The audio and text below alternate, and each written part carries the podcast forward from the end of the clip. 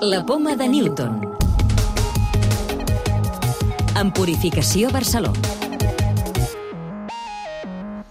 Aquesta setmana us parlem d'una recerca molt esperançadora contra els càncers més agressius, un nou medicament que ataca aquests tumors i sense efectes secundaris.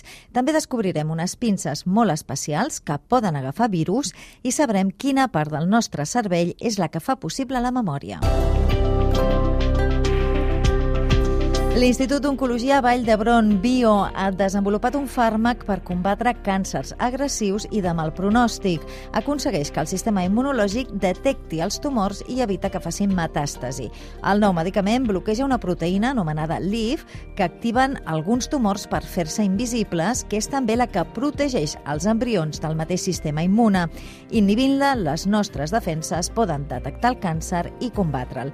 Joan Seoane és el responsable de la investigació. Els tumors tenen LIF per protegir-se del sistema immune del pacient de la mateixa manera que LIF protegeix l'embrió de la mare. Llavors, quan vam veure això, vam dir, dissenyem un fàrmac per bloquejar l'IF. L'hem dissenyat, l'hem desenvolupat i hem arribat fins als pacients. També l'IF fa que les cèl·lules mare de l'embrió proliferin. En càncer, també l'IF fa que les cèl·lules mare tumorals proliferen, que seran les responsables de la recaiguda i de la metàstasis. Al bloquejar l'IF prevenim recaiguda i en alguns casos metàstasi. A més, com que aquesta proteïna només ha d'estar activa durant el procés embrionari, inhibint-la no té efectes secundaris. L'IF s'expressa sobretot en el moment de l'embriogènesi i després desapareix. Si no estem en un procés d'implantació de l'embrió, ningú té l'IF. És per això que no és tòxic bloquejar-ho. No hem trobat toxicitat. Hem pujat, pujat i no hi ha toxicitat. El fàrmac és útil contra tot tipus de tumors, però sobretot contra els més agressius, cervell, pàncreas, pulmó i ovari, que són els que també acumulen més quantitats d'aquesta proteïna. Més coses, unes pinces de mida nanomètrica permeten a través de la llum atrapar objectes tan petits com una molècula i manipular-los de manera no invasiva. Les nanopinces també podrien atrapar fins i tot virus sense modificar-los. Obren un nou horitzó tecnològic i podrien tenir moltes aplicacions en biomedicina, com reconeix el físic de l'Institut de Ciències Fotòniques, Romain Kidan, responsable de la investigació. Amb la força de la llum atrapa objectes molt petits, tan petits de fet com una molècula aïllada i poder atrapar-la i manipular-la. Això és una eina molt important, diguem, per poder entendre el funcionament del nostre món a escala eh, nanomètrica. Investigadors de l'Institut de Bioenginyeria de Catalunya i BEC han demostrat per primera vegada que l'hipocamp és l'àrea del cervell que recupera els records, cosa que fins ara era només una teoria. A més, aquests científics han pogut enregistrar per primera vegada en éssers humans i de manera simultània l'activitat cerebral de dues àrees clau vinculades a la memòria, l'hipocamp i el neocòrtex.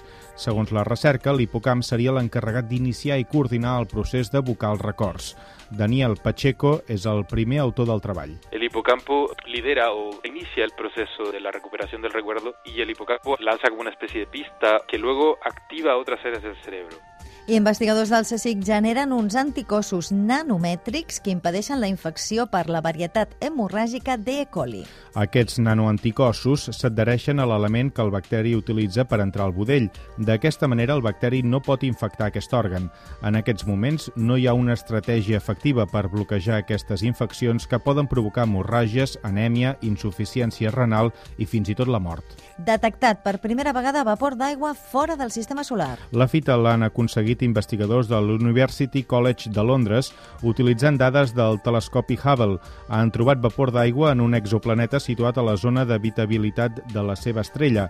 Es tracta d'un món amb 8 vegades la massa de la Terra i és el primer fora del nostre sistema que té aigua i unes temperatures aptes per a la vida. La clau de volta.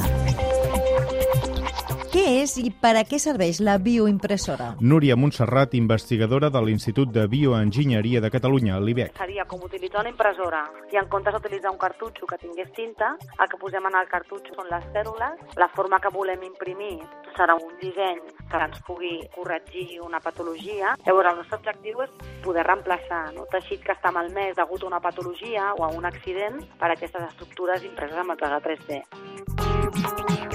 Recordeu que ja podeu descarregar-vos el podcast de la Poma de Newton o subscriure-us al programa per rebre'l directament als vostres dispositius.